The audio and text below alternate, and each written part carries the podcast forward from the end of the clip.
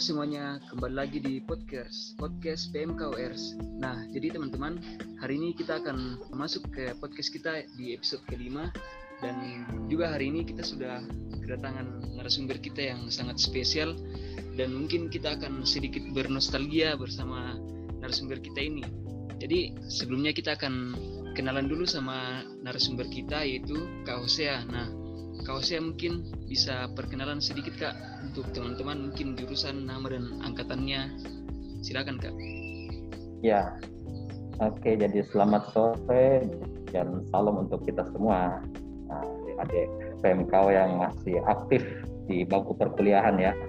Dan juga untuk rekan-rekan kakak-kakak alumni PMK FEB UH sekarang namanya toh Yeah. Jadi uh, melalui forum ini kita akan bernostalgia lagi nih ceritanya ya, nanya-nanya flashback yeah, yeah. masa lalu. Oke, okay. baik. Jadi nama saya Jose Ariman.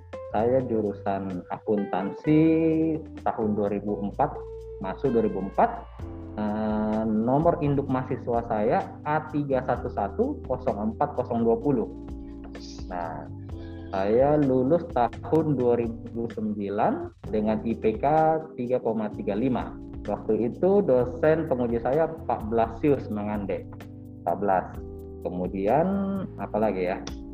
2004 saya masuk sebagai mahasiswa baru. Jadi waktu itu di angkatan saya itu angkatan saya untuk teman-teman yang PMKO atau yang Kristen dan Katolik itu kalau saya tidak salah ingat jumlahnya hanya sekitar sekitar 15 orang 15 orang ya 2004 jadi tiga jurusan semua itu. Nah, tiga jurusan itu 15 orang. dan 15 orang saja. Oh iya 15 iya. orang. Iya jadi kita betul-betul minoritas kala itu. Jadi eh, sekitar 15 orang. Pokoknya kurang dari 20 lah ingat saya ya. Nah, jadi di kami ada sekitar 15 orang angkatan 2004 kemudian keaktifan kami dulu itu ini jadi ya kurang aktif untuk angkatan saya. 2004 sudah jumlahnya sedikit tidak aktif pula. Di semester awal semester 1 semester 2 jadi bisa kebayang ya regenerasinya itu ini terancam mandek. Jadi tongkat kepengurusan, tongkat regenerasi PMKO dari angkatan 2002 ke 2003, kemudian 2003 mau masuk ke 2004 itu ya terancam ini terancam putus karena kenonaktifan kami selaku mahasiswa Kristen kala itu. Ya, jadi mungkin itu dulu perkenalan pertama sebelum kita mengulik lebih jauh lagi kali ya. Iya iya. Nah, ada yang ya. mau disampaikan? Oke oke. Ya jadi sebelum kita masuk lebih jauh membahas bersama Kak Osia tentang ya mungkin kita akan sedikit bertanya-tanya tentang bagaimana kehidupan PMKO di masa-masanya Kak Osea. Tapi sebenarnya saya mau tanya dulu sama Kak Osea. Akhir-akhir ini kira-kira apa apa kesibukannya Kak Osea? Akhir-akhir ini bekerja kah atau apa? Kesibukan kesibukan ya. Ya. Jadi saya sekarang sebagai seorang ASN aparatur sipil negara di Lembaga Balai Komunikasi Informatika Makassar di bawah Kementerian Kominfo. Nah, jadi kesibukan saya itu ya dalam tujuh tahun terakhir ini saya kan menjadi seorang ASN itu tahun 2011. So, saya tamat tahun 2009, dua tahun bekerja di salah satu tempat swasta, usaha swasta di Makassar. Kemudian Tuhan buka jalan tahun 2011, uh, saya masuk sebagai ASN di Kota Makassar uh, di Balai Komunikasi Informatika Makassar. Alamatnya Jalan Racing Center. Jadi 2011 ke 2021 ada 10 tahun atau satu dekade itu ya saya sibuk di seputar tupoksi saya, tugas pokok fungsi saya sebagai ASN di Kementerian Komunikasi Informatika. Ya, kesibukan di pelayanan saat ini saya lebih banyak bergumul tercipta waktu dalam kesibukan pekerjaan. Nah, seperti itu. Jadi pelayanan secara tidak lang pelayanan secara langsung dalam hal lembaga pelayanan itu eh, sementara tidak dilakukan di situ. Tapi dalam secara tidak langsung ya kita melayani melalui pekerjaan ya, pekerjaan dengan segala pergumulannya dalam dunia kerja. bahwa menjadi bagaimana menjadi seorang anak Tuhan, menjadi sebuah kesaksian di tempat kerja kita itu yang menurut saya tantangan atau memerlukan suatu usaha, memerlukan suatu kasih karunia yang besar untuk bisa tetap dalam track yang lurus. Begitu, adik-adik. Oh iya, iya. Ya, uh, ini kalau dilihat dari latarnya kayaknya Kak Ose lagi di kantor ini atau lagi di rumah Kak? Iya betul deh. Oh, di lagi kantor. di kantor. Oh iya. Mm -hmm. Benar. Lagi di kantor ini deh. Oh iya. Tapi ini kita tidak mengganggu ji waktunya kakak tuh? Nggak ada, aman aman. aman. Iya, ini bulan puasa ini jadwal kantor sudah selesai sebenarnya secara jam kantor ya. Tapi ya saya punya kerjaan secara administrasi masih anu masih harus diselesaikan. Oh iya. iya. Oh iya, makasih Kak. Oke, ya Mima. Kak, tadi kan Kakak bilang kalau waktu zamannya Kakak itu tahun 2004 PMKO-nya cuma 15 orang ya, Kak? Iya, angkatan saya. Iya, tapi Kakak jadi ketua PMKO kan? Iya, tahun 2006. Oh iya, Kak. 2000 waktu itu. Periode. Mm -hmm. Ya, waktu itu Kakak jadi anggota PMKO karena memang dari Kakak sendiri atau ada dorongan dari teman-teman, Kak? Jadi pergumulan waktu tahun 2004, eh, dinamika waktu tahun 2004 itu yang saya katakan tadi bahwa angkatan saya itu cuman hitungan jari ya, 15 orang lah. Bisa di dan nanti kita bisa baku saling hafal nama hanya dalam dua atau tiga kali pertemuan karena saking sedikitnya kan. Nah, jadi waktu itu 2004 pergumulan PMKO ketika melakukan persekutuan itu ya itu kami tidak bisa sebebas saat seperti saat 10 tahun terakhir ini bisa mengadakan uh, jam doa di sudut-sudut kampus di apa ini di Baruga atau di tempat yang lebih lah yang ada lah di kampus. Mungkin di sekarang bahkan sudah disediakan ruangan mungkin ya oleh pihak kampus ya untuk corner atau pojokan PMKO atau lembaga keagamaan mahasiswa di kampus. Nah kalau kami dulu itu tahun 2004 betul-betul bergumul bahwa ketika melakukan jam doa kami harus di luar kampus. Dan itu di rumah pengurus tahun 2004 itu kami di WhatsApp setiap setiap minggu setiap hari Sabtu itu ada salah satu rumah kakak alumni juga di WSAB kita adakan jam doa di situ ya tentunya dengan semangat semangat ketika mahasiswa mahasiswa dengan segala kekurangannya dalam artian kiriman dari orang tua kita yang sangat bergantung dari kiriman orang tua untuk bisa transportasi ke sana kemari. Nah, itu semua masuk dalam pergumulan itu deh. Jadi ketika harus pergi dari rumah waktu itu saya kos di saya tidak kos waktu itu puji Tuhan saya tinggal di rumah keluarga tetap rumah keluarga di CV Dewi, Deng Sirua ya. Nah, dan kebetulan di situ hanya saya punya kakak sepupu satu orang jadi saya temani lah di sana sembari uh, menyelesaikan kuliah waktu kuliah dari periode tahun 2004 sampai 2009. Nah, tapi ya itu sebagai seorang mahasiswa sangat terbatas dalam artian uang bulanan itu hanya dikirim, dikirim oleh orang tua. Dan hanya ya kalau mau kita poskan itu ya hanya cukup untuk makan, cukup untuk fotokopi diklat, diktat, untuk ongkos ke kampus. Kalaupun ada ekstra untuk pelayanan di luar itu ya harus kita pintar-pintar melakukan saving. Apakah ya? Tetapi ya itu dalam perjalanannya dinamika perjalanannya ya segala pergumulan itu bisa terjawab ya Tuhan boleh pakai teman-teman yang punya kendaraan bermotor atau yang berdomisili di Makassar ya saya tinggal SMS saja waktu itu toh bukan WA ya SMS untuk jemput nah supaya bisa ikut jam 2 tiap minggunya kemudian ya itu kadang-kala juga malas untuk jam doa karena sedang ada tugas atau sedang bertabrakan dengan kuliah tambahan di hari Sabtu. Nah, tetapi ya itu kita sudah sedikit malas-malas pula. Jadi sangat-sangat itu periode generasi kepengurusan saya waktu itu 2004 hampir lewati. Karena setelah 2004 masuk setahun kemudian kan masuk angkatan 2005 nah situ mulai bertambah tuh anggota PMK benar mahasiswa Kristen yang masuk untuk ekonomi lebih banyak. Lebih banyak itu bisa sampai di atas 20 orang itu. Nah di atas 20 orang kala itu. Ada mungkin sekitar 30 ya sekitar 30-an orang 2005 nah di situ seperti titik balik di angkatan tahun 2005 itu jadi saya di angkatan saya hampir terlewati generasinya. Masa 2004 nggak ada nggak ada yang mencalonkan diri sebagai pengurus inti di untuk keputusan PMKO di periode layanan uh, 2006 ke 2007. Masa dikalah sama adik kelasnya uh, ada yang katanya dibawa. Nah, orang bilang taruh di mana? Gengsi kita nih kan gengsi-gengsian juga kan untuk yang hal begitu toh ada gengsi-gengsian yang maklum lah pelayanan ketika masih muda toh masa masa mau dilangkahi? Ya sudah. Dan akhirnya ya dengan segala pergumulan bayangkan deh kalau kita jadi PMKO ketua PMKO pengurus inti ya otomatis kan mobilitasnya lebih tinggi toh. Nah, mobilitas lebih tinggi kita harus uh, pergi kalau misalnya ada perkumpulan atau jam doa dari undangan dari jurusan kampus kemudian uh, misalnya ada anggota yang sedang berduka cita atau anggota yang sedang dilanda musibah kita harus datang ke sana. Sementara sumber daya itu terbatas. Tapi ya itulah kuasa Tuhan puji Tuhan dalam setiap perjalanan pelayanan kita itu saya tidak secara pribadi saya tidak pernah kekurangan.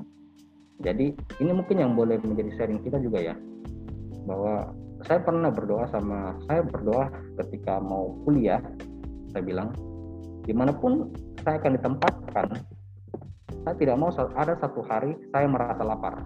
Itu saya bilang sama Tuhan. Di mana pun saya ditempatkan, di dalam Sulawesi Selatan, maksudnya di Makassar, atau di luar Makassar, saya tidak mau ada satu hari saya merasa lapar. Itu. Dan Tuhan jawab, saya bukannya berat badan saya turun, malah tambah naik waktu kuliah.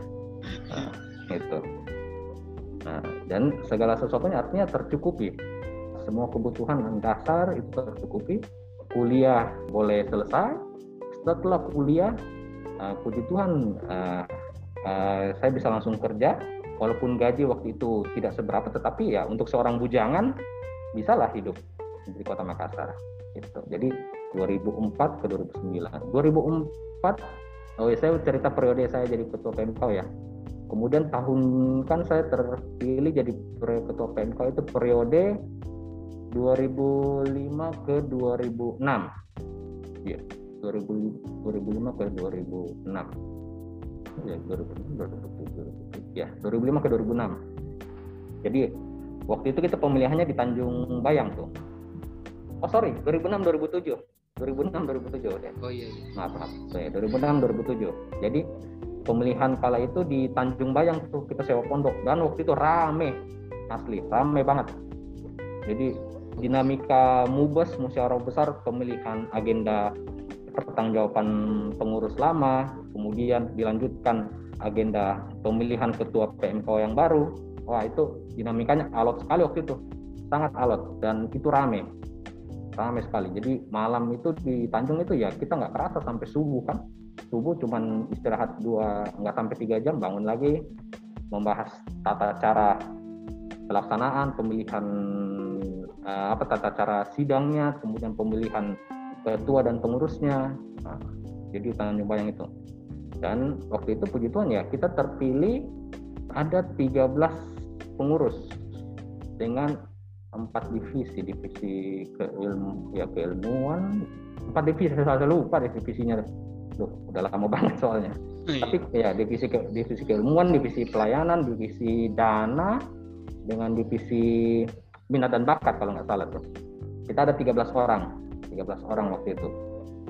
Nah, jadi dalam satu tahun itu ya itulah eh, artinya pelayanan itu tidak bah, bahkan saya merasakan bahwa satu tahun kepelayanan itu tidak dirasa lewat. Bahwa saya pikir bakalan terasa lama karena saya pikir ya itu pikir ya ini tanggung jawab yang besar lagi diberikan ya. Sementara kita dalam masa periode penyelesaian 2000 itu kan saya masuk semester 5 6 ya. Semester eh semester semester 6 kalau tidak salah. Nah dia semester 6 toh kemudian masuk menjadi pengurus PMKO jadi ketua ketua PMKO lagi.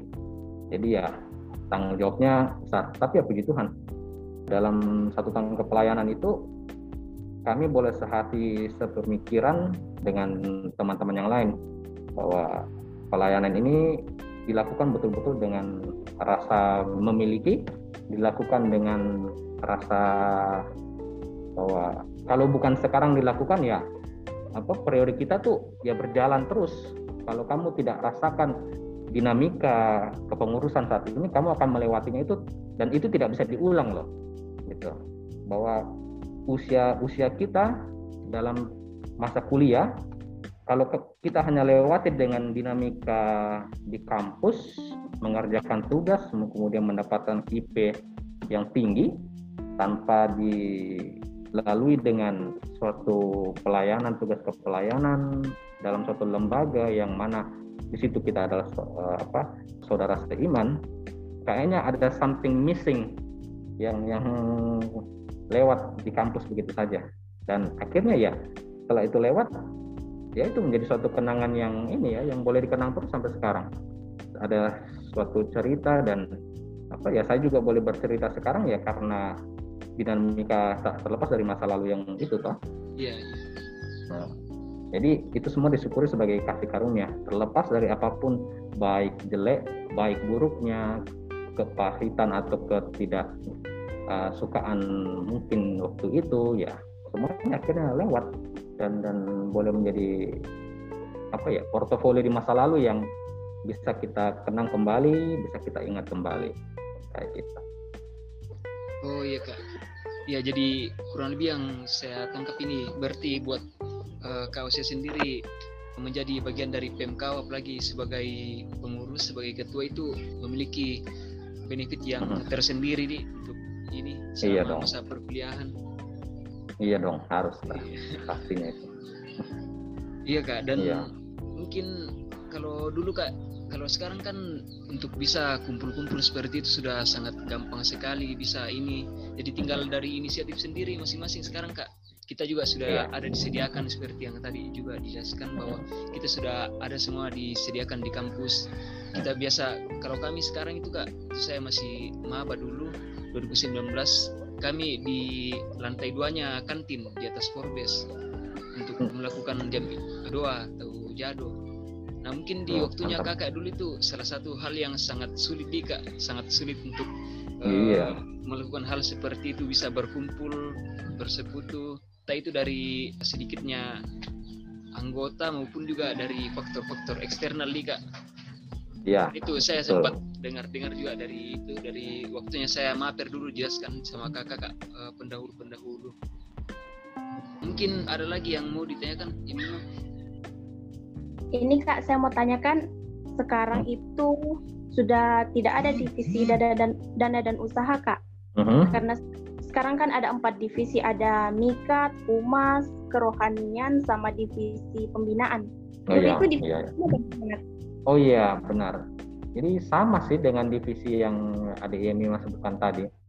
Uh, struktur kepengurusan kita waktu itu ya sama, sama persis seperti sekarang divisi pembinaan atau keilmuan sebenarnya itu divisi keilmuan, divisi kerohanian, iya, kemudian divisi humas dengan satu divisi ya dana sepertinya ya dana waktu itu divisi dana yang kita bentuk.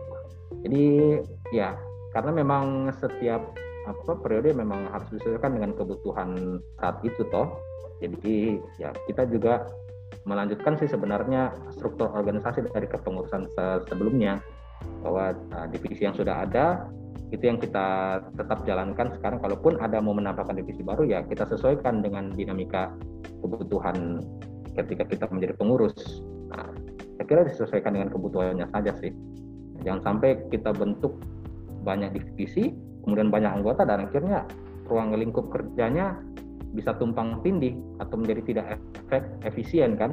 Nah, seharusnya mungkin divisi keilmuan Eh, cukup divisi keilmuan tapi kita bentuk lagi divisi apa ini minat dan bakat.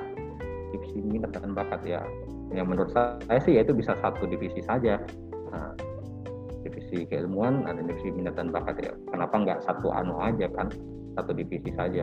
Jangan sampai karena dibentuk satu divisi kemudian mungkin pengurus mempunyai pemikiran atau berdasarkan aturan anggaran dasar rumah tangga atau aturan yang mendasari bahwa setiap divisi paling nggak diisi 2 sampai tiga orang pengurus. Kan repot. Nah, karena itu. Sementara mungkin kebutuhannya bisa satu divisi saja ya dua dua atau tiga orang itu ya sudah cukup.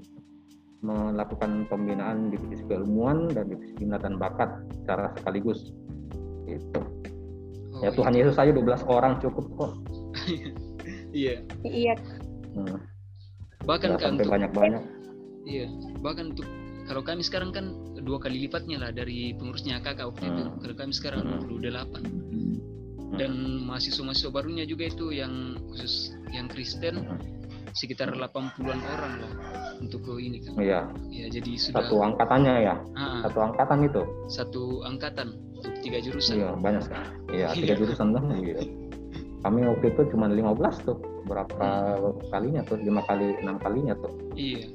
Iya, tapi iya. ya artinya eh, jangan sampai juga terlalu banyak kepala, banyak pemikiran dan saking eh, banyak pemikirannya tidak bisa diwadahi ya akhirnya menjadi crumble dari dalam organisasi sendiri toh yang menggerogoti dari dalam PMK-nya sendiri lihatlah bagaimana efisien efektifnya kalau setiap misalnya empat divisi itu ya nggak mesti empat divisi karena itu semuanya merasa sangat terpanggil menurut saya ya.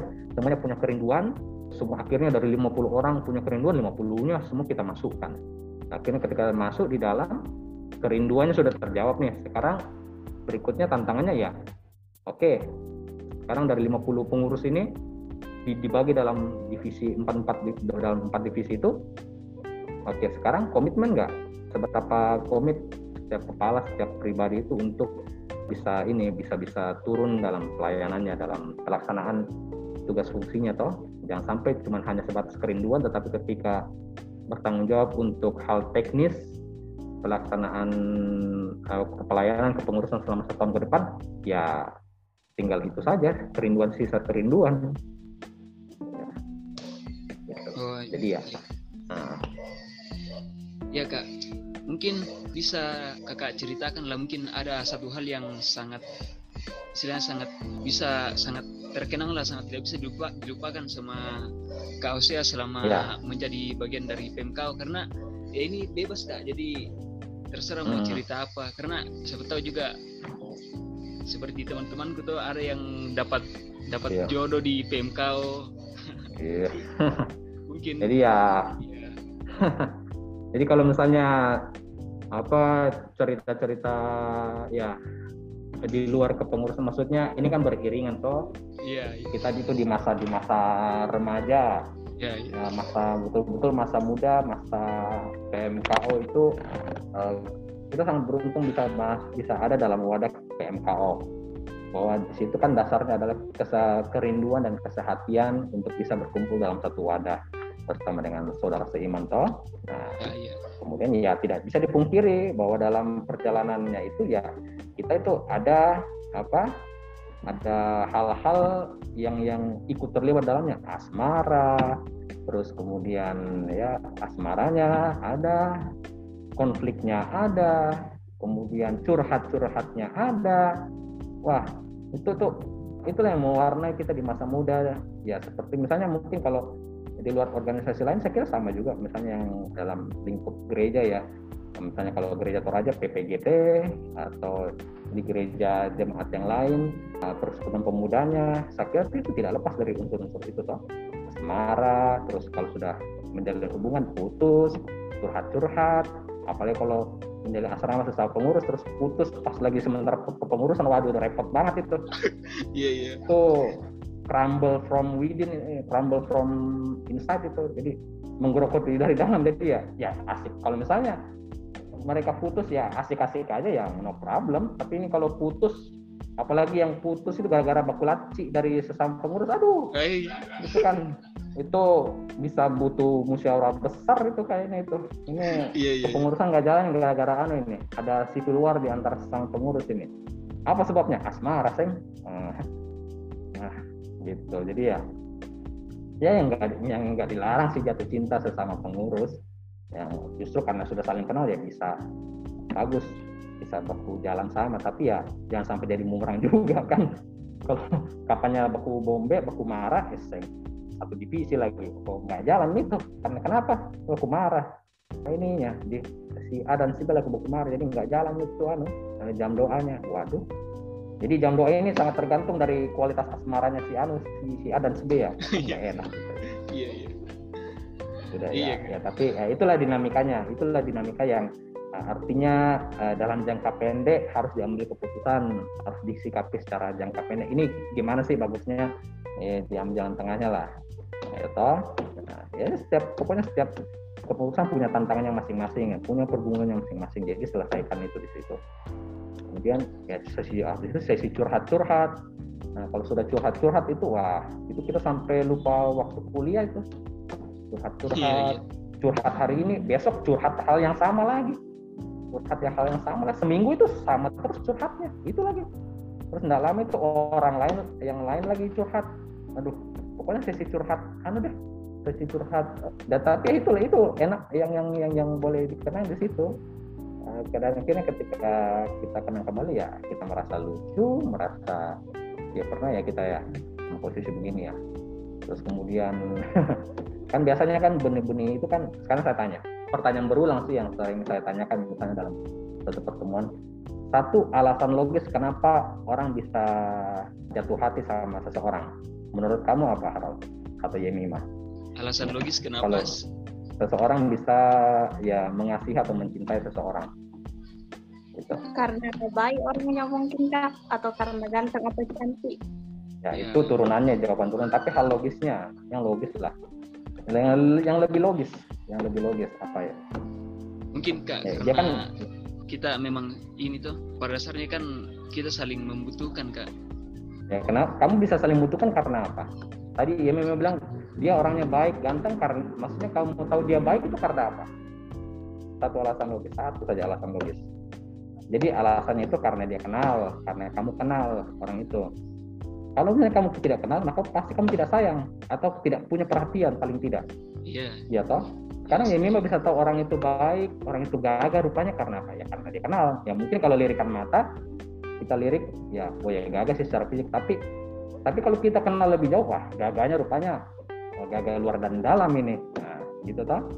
Sama juga Harol kalau misalnya lihat cewek kalau misalnya kita lihat cewek ya atau lihat perempuan di mata laki-laki ya semuanya sih cantik kalau dipoles ya tapi kalau kita kenal lebih jauh ya ada alasan lebih logis kita bisa tetap sama orang itu. Nah begitu juga dengan PMKO kalau kita kenal dengan PMKO maka ya apa pun badai menerjang ya pasti kita tetap taruh hati di situ dan tidak tidak tidak anu ya tidak ke sana kemari tidak labil ketika eh baru baru bertengkar sedikit dengan sesama pengurus mojok misalnya atau akhirnya aduh saya menyesal jadi pengurus. Dan akhirnya keluar kata-kata ini ada penyesalan terbesar saya selama hidup saya berusaha aktif engkau. Wah itu hati-hati dengan kata-kata begitu.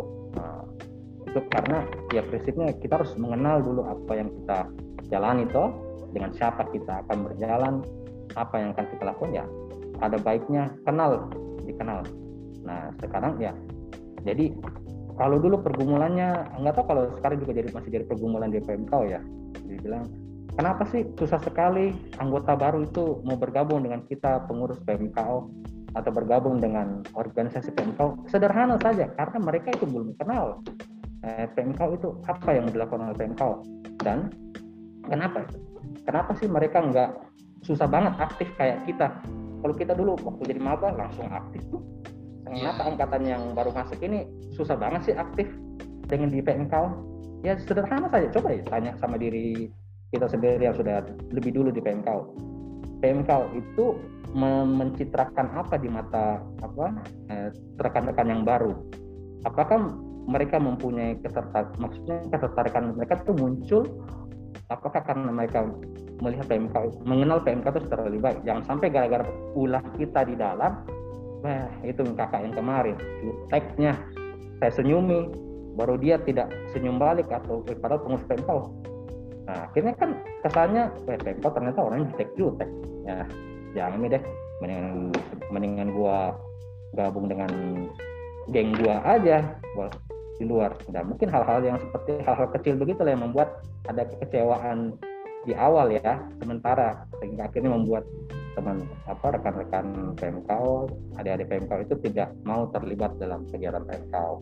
Karena sebenarnya kalau kita mau telisik jauh ke belakang bahwa PMK itu bisa ada karena sederhana karena kerinduan dari setiap uh, kakak-kakak waktu itu untuk bisa bersekutu dengan segala pergumulan waktu di kampus bahwa kita minoritas kenapa tidak ada apa persekutuan di kampus ini? Nah, akhirnya berkumpul lah dua tiga orang berkumpul bertambah jumlahnya empat orang dan lima orang dan seterusnya. Dan akhirnya artinya mereka bisa mengenal PMKU itu karena itu dia ada kerinduan dari dalam untuk bersekutu. Dan kita kalau kita menilik sejarah ke belakang ya itulah PMKU itu bisa berdiri ya karena kerinduan pergumulan di masa lalu untuk bisa saling bersekutu. Jadi kenali jadi kenalilah dengan organisasi eh, pelayanan di kampus kita toh. Supaya ketika kita masuk dalam sistem organisasinya ya kita tidak menyesal karena kita memang sudah mengenal itu sebagai suatu wadah yang bisa mempertemukan kerinduan kita masing-masing kan setiap kita untuk bisa bersaksi di pelayanan kampus. Itu oh iya iya baik kak. Mungkin ini sesi yang terakhir kita yang saya mungkin mau tanyakan sama kau saya sebenarnya saya mau bertanya kak kira-kira ada tidak pesan dari kakak untuk teman-teman pengurus yang terutama yang sekarang juga? Karena kita kan lagi menghadapi masa pandemi kak dan kita berjauh-jauhan. Karena juga kita menghadapi masalah-masalah baru yang bikin kita miskomunikasi. Karena ya, ya kita ketahui kita banyak yang di kampung juga jadi sekarang hmm. kita yang di masih di kosan misalnya dia kosong-kosong gitu kak tapi yang di kampung kan banyak kerjaannya jadi kadang susah hmm. baku, baku atur waktu begitu kak terus yang hmm. kedua mungkin pesannya kakak untuk teman-teman mahasiswa baru lah yang mungkin masih belum mengenal PMKO dan terkadang juga kami pengurus mengalami kesulitan untuk kemudian mengajaklah mereka untuk bisa bergabung di kau untuk kita mungkin jam doa atau bagaimana kak? Atau ibadah. Nah mungkin ya. ada pesan dari kakak untuk itu kak untuk pengurus dan untuk anggota baru. Bagaimana supaya kita bisa sama-sama kuat menjalani masa-masa yang menyulitkan seperti masa pandemi ini di mana kita tidak bisa berkumpul dan saling bertatap muka kak. Ya silakan kak Usia ya. jadi corona ini uh, wabah yang sementara. Itu yang harus kita imani ya bahwa ini tidak terjadi untuk selamanya. Nah, saya 5 Desember tahun 2020 itu kena corona. Jadi harus di, di, di karantina kan karantina mandiri di hotel samping rumahnya Ibu Deborah, Hotel Kenari. Gitu. 5 November dan akhirnya baru bisa negatif hasil swab itu tanggal 30 Desember 5 Desember sampai 30 Desember dan puji Tuhan sudah negatif dan saya juga sudah vaksin dua kali jadi jadi corona ini yang memang bikin orang bergerak terbatas ya. Nah, kampus akhirnya tidak bisa melakukan kegiatan offline, mengajar mengajar secara offline dan akhirnya berdampak pada nah, kegiatan-kegiatan yang punya kaitannya dengan kampus itu termasuk PMK Unhas, ekonomi Unhas. Jadi saya cuma berbicara secara teknis saja bahwa pertemuan itu tinggal caranya. Kerinduan itu tidak bisa dibatasi loh ruang waktu nggak bisa dibatasi. Kerinduan itu tidak bisa dibatasi. Hanya saja ketika kita ingin bersekutu ya tinggal caranya. Sekarang wadahnya kan sudah ada platformnya sudah ada via Zoom via Google Google. Itu bisa kita lakukan melalui media daring toh. Nah, media daring. Nah sekarang dan dan dan artinya kita bisa bertemu seperti sekarang ini ya tidak terbatas ruang dan ruang kan. Jadi saya tidak perlu bertemu dengan Harold dan Yai Mima dan yang lain di kampus Unhas atau di tempat lain cukup melalui ini. Karena kerinduan itu itu tidak bisa dibatasi ruang dan waktu itu satu. Terus jadi tinggal pilih metodenya. Nah, terus yang kedua adalah komitmen dari pengurus sendiri yang sedang harus yang sedang berjalan yang pengurus yang terpilih. Tetap lakukan program kamu tetap lakukan jadwal jam doa kamu seberapapun yang ada di dalam walaupun hanya Harold dan Jamie 5 tetap harus dilakukan dan share undangannya ke semua pengurus dan semua anggota PMKO itu harus tetap rutin dilakukan. Jangan tergantung dari oh, karena tidak ada anggota yang mau ikut ya sudah kita tidak usah lakukan jam doa. Jangan. Tetap lakukan. Nah, kuanti, masalah kuantitas jangan dulu. Lakukan yang menjadi tugas tanggung jawab pengurus. Misalnya nih setiap minggu harus lakukan jam doa dan itu secara daring. Tetap lakukan itu. Walaupun nanti yang dat yang di dalam itu cuman uh, Yemima saja atau Harold saja ya sudah eh, lakukan dengan cara baca renungan rekam lah rekam rekam toh kan kamu rekam. Terus kan nanti ada rekamannya itu kamu sharing. Rekaman itu apakah di YouTube atau melalui platform yang lain media sosial yang lain toh. Bahwa ini jam doa kita kemarin berbicara mengenai bahas membahas siapa membahas Daniel kak. Jadi itu podcast misalnya kayak podcast sekarang toh kan kedengaran suaranya nih rekamannya. Itu kamu sharing. Nah, walaupun anggotanya di dalam itu cuma kita berempat atau mungkin hanya Harol saja, hanya Valdi saja atau Yemima saja, tetapi ya jam doanya berjalan, tetap berjalan. Nah, bahkan sampai cuma satu orang pun di dalam, kamu baca firman, kamu baca renungannya, kemudian membacakan eh, rekole apa reflektivitasnya dalam kehidupan seperti apa, ya itu kamu sharing. Seperti itu. Terus pas ada atau tidak audiens yang lain, pak tetap lakukan itu. Nah dan untuk teman-teman yang apa karena sekarang kampus bagaimana? Memang belum bisa anu ya bertemu offline ya? Belum ya, ada kak. kelas dibuka secara belum ya. kak. Sampai saat ini belum. Sampai periode kapan itu belum dipastikan juga kak untuk semester ke depannya okay. semester ya, depan belum belum dipastikan ya oke okay. jadi ya itu opsinya memang hanya secara daring saja dan jadi menurut saya itu kemasan penyajiannya yang harus lebih kreatif kali ya.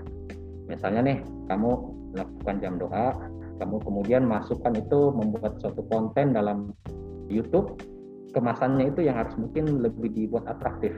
Misalnya jam doa secara virtual, kamu lakukan di mana. Misalnya yang hari Toraja dan mungkin ada kemungkinan mengambil setting di atas negeri di atas awan kalau lagi jalan-jalan atau di atas burake atau latar belakangnya itu ya shootingannya ke ke belakang belakang bahwa kita lakukan jam doa dari sini. Jadi seperti itu loh kayak saat itu kalau pagi-pagi tuh mimbar agama Kristen toh tapi biasa pemandangannya gunung tuh di belakang tuh Yeah. Nah, jadi mungkin teman-teman pengurus Arol yang mungkin lagi di Toraja ya bisa mengambil latar belakang kampungnya di mana Arol Toraja? Di Sadan kak. Di Sadan ya itu yeah. Sungai Sadan bisa jadi latar belakang latar belakang sharing firman. Nah, walaupun hanya 10 menit 15 menit kan itu jadi membuat kemasannya lebih menarik daripada mungkin hanya di kamar saja duduk pasang tripod kamera itu ya. Nih substansinya adalah isinya tetap sama tetapi cara penyajiannya aja yang mungkin sedikit dibuat atraktif. Seperti misalnya ya kayak kamu mengambil shottingan kemudian kamu posting di Facebook Instagram kan anak PMK menjadi lebih anu toh. Kamu lebih lebih atraktif kelihatan.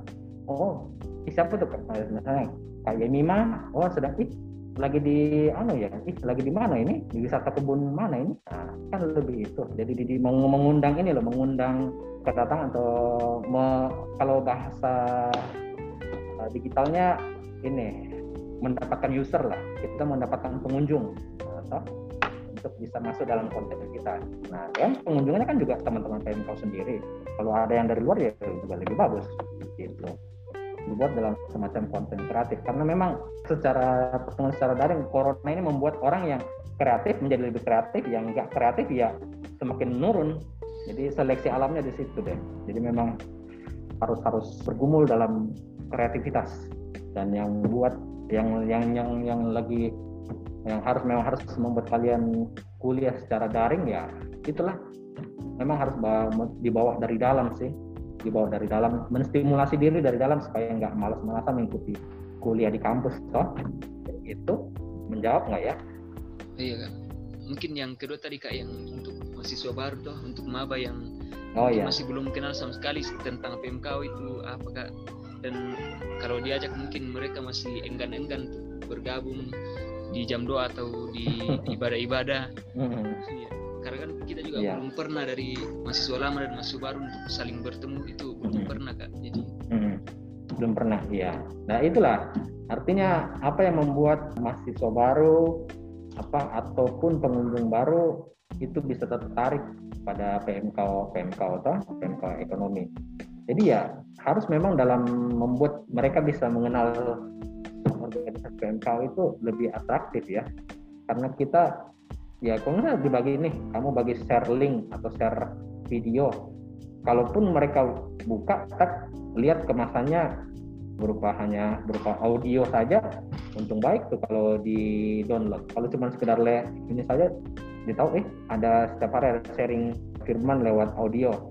Aduh kurang anu sih. Tapi kalau misalnya kamu kita kemas dalam media sosial dan artinya bisa langsung kelihatan gambarnya kan karena kita kan secara dominan kita ini makhluk visual toh. Lebih menyukai apa yang kelihatan dulu baru pendengaran nah, jadi ya nah, coba buat konten. Menurut saya sih buat konten lima menit saja kontennya. Konten lima menit atau jamnya lima menit. Konten 60 detik konten pasti namanya itu ya. Nah, yang konten cepat tuh 60 detik. PMK adalah misalnya PMK in 60 second tuh Strap buat kontennya kan sederhana saja tuh pakai aplikasi KineMaster. Kamu bisa buat konten-kontennya untuk di share di sharing di sharing dalam mana di sharing dalam grup PMK kan anggota yang baru itu kan bisa kamu buat grupnya toh add mereka. Ya kalaupun nanti ya ini asumsi mereka tidak keluar ya nah itu sangat tergantung dari ini sih sangat tergantung dari kreativitas lagi. Kalaupun mereka keluar ada yang keluar ya sudah tidak apa-apa tidak masalah. Nanti mungkin bisa dijapri saja secara pribadi. Kalau keluar dari grup PMK misalnya angkatan 2022 nanti atau 2021 nih ya yang mabah mabah toh. Jadi sharing kontennya. Jadi memang itu salah satu seleksi juga sih bahwa dari misalnya kita tidak bisa memaksakan panggilan itu kepada teman-teman tapi kita bisa mencoba uh, mengenalkan PMK sebagai organisasi kita bersama mahasiswa di Unhas terutama Fakultas Ekonomi untuk bisa menjadi ini ya tempat pelayanan platform pelayanan kita di kampus nih ada PMK yang sifatnya open toh. Nah biarlah bahkan dulu gini loh angkatan saya itu tanda kutip terlambat aktif ada satu orang sampai saya lulus eh selesai pengurusan dia nggak jadi pengurus tapi uniknya semester 8 dia baru aktif di PMK angkatan saya loh semester delapan aktif di. Semester 8 baru aktif Pemkau. Saya bilang, loh ke mana aja waktu kita jadi pengurus? Ya maklum lah, kerinduannya baru tumbuh sekarang. Sama kita bilang, kamu terlambat aktif kalau begini. Ya sudah, tapi nggak ada masalah. Bahkan, bahkan ya, eh, ini jangan dicontoh, tapi gini-gini. Dia terlambat lulus, jadi adik kelasnya 2006 itu lulus lebih dulu daripada dia, angkatan saya. Dia nyanyi di itu di apa kelulusan angkatan 2006 2004 nyanyi untuk kelulusan angkatan 2006 yang kan karena yang menyanyi itu kan ini yang disuruh kan anak PMK atau vokal group yeah. group kan ya sudah tanpa panitia di Unhas di, di fakultas di kampus di Pekon itu nggak mau repot-repot ya sudah suruh anak PMK aja yang nyari yang nyanyi toh vokal group sudah mahasiswa nah semuanya anak PMK mulai dari gitaris sampai penyanyinya nah itu angkatan saya satu orang itu dia nyanyi di situ yeah. terlambat aktif toh terlambat aktif untuk kelulusan angkatan tahun 2006 ya. Nah, kita cuma kalau kalau ini yang lulus siapa yang nyanyi siapa ya. jadi tapi ya puji Tuhan sudah lulus kok semuanya. Akhirnya sudah lulus pada waktunya. Iya. Yeah. gitu. jadi apa jadi itulah. Jadi kerinduan itu kita nggak bisa batasi kita nggak bisa ukur ya. Tetapi kita coba untuk menarik kerinduan setiap teman PMKO itu supaya bisa melayani ikut terlibat. Apakah walaupun mungkin tidak jadi pengurus tapi dia aktif terlibat sebagai anggota PMKO dalam organisasi gitu. Jadi tetap lakukan yang menjadi tanggung jawab pengurus konsisten lakukan konsisten saja lakukan kemudian di di dalam di dalam konsistenan itu lakukan hal kreatif itu nggak mesti tiap hari kreatif tapi ya dalam satu bulan dua dua kali saja konten kreatif kamu buat untuk itu ya itu kan menjadi semacam hook pancingan toh. Ngehook oh apalagi nih yang kreatif dibikin oleh pengurus PMKO dalam misalnya channel 60 second PMKO 60 detik PMKO nah, channel apa? Gitu gitu loh hal kreatif lah. Nah, misalnya kayak misalnya nih PMKO sedang beraktivitas PMK sehat ya? Biasa kan ya? Iya yeah, PMK sehat atau misalnya apa? Ya bikinlah konten 60 detik aktivitas olahraga ketika dilakukan kemudian di share dalam media sosial di share dalam WA grup nah itu kan kita bisa uh kegiatannya ini tuh wih anggotanya ih anggotanya ini ini tuh nah gitu. Ih ada adanya manis-manis semua. Iya gitu. kakak-kakaknya wih gagah-gagah semua itu seperti itu. Jadi kita ingin melihat uh, visualisasi kegiatannya juga. Jadi eh, kita yang alumni melihat juga lebih apa su suka melihat oh ih kok tambah banyak ya. Wih dulu boro-boro kita mau berkegiatan kreatif ini olahraga aja enggak ya mereka olahraga tiap hari lari-lari di kampus. Misalnya lari-lari kampus kamu bikin kontennya kamu bikin video-video singkatnya toh itu. Tentunya dengan ini toh dengan dengan pengemasan konten yang semenarik mungkin. Gitu. Oke kak ya jadi waduh ini lumayan banyak sekali ini kita bahas bersama Kak Hosea teman-teman. Jadi itu dia tadi pesan dan kesan juga dari Kak Hosea untuk teman-teman pengurus dan teman-teman mahasiswa baru yang ada di PMKO bisa disimak baik-baik pesannya dari Kaosia dan kita juga sudah banyak uh, membahas lah dengan Kaosia tentang pengalaman-pengalamannya Kaosia sama mengurus dan cerita-cerita lucunya karena sekarang juga sudah lumayan panjang durasinya dan takutnya nanti malah membosankan teman-teman. Jadi uh, sekian dulu kita akhirin untuk podcast okay. kita kali ini. Uh, sebelumnya terima kasih banyak untuk Kak Ose yang sudah mau menyempatkan diri untuk menjadi narasumber kita sama-sama deh ya di podcast kali ini. Untuk Yemima juga dan untuk uh, Valdi terima kasih. Dan uh, untuk teman-teman semua jangan lupa didengarkan podcastnya dan Sampai bertemu lagi di podcast kita selanjutnya. Terima kasih. Shalom. Oke, okay, bye bye. Salam. Bye bye. Selamat sore.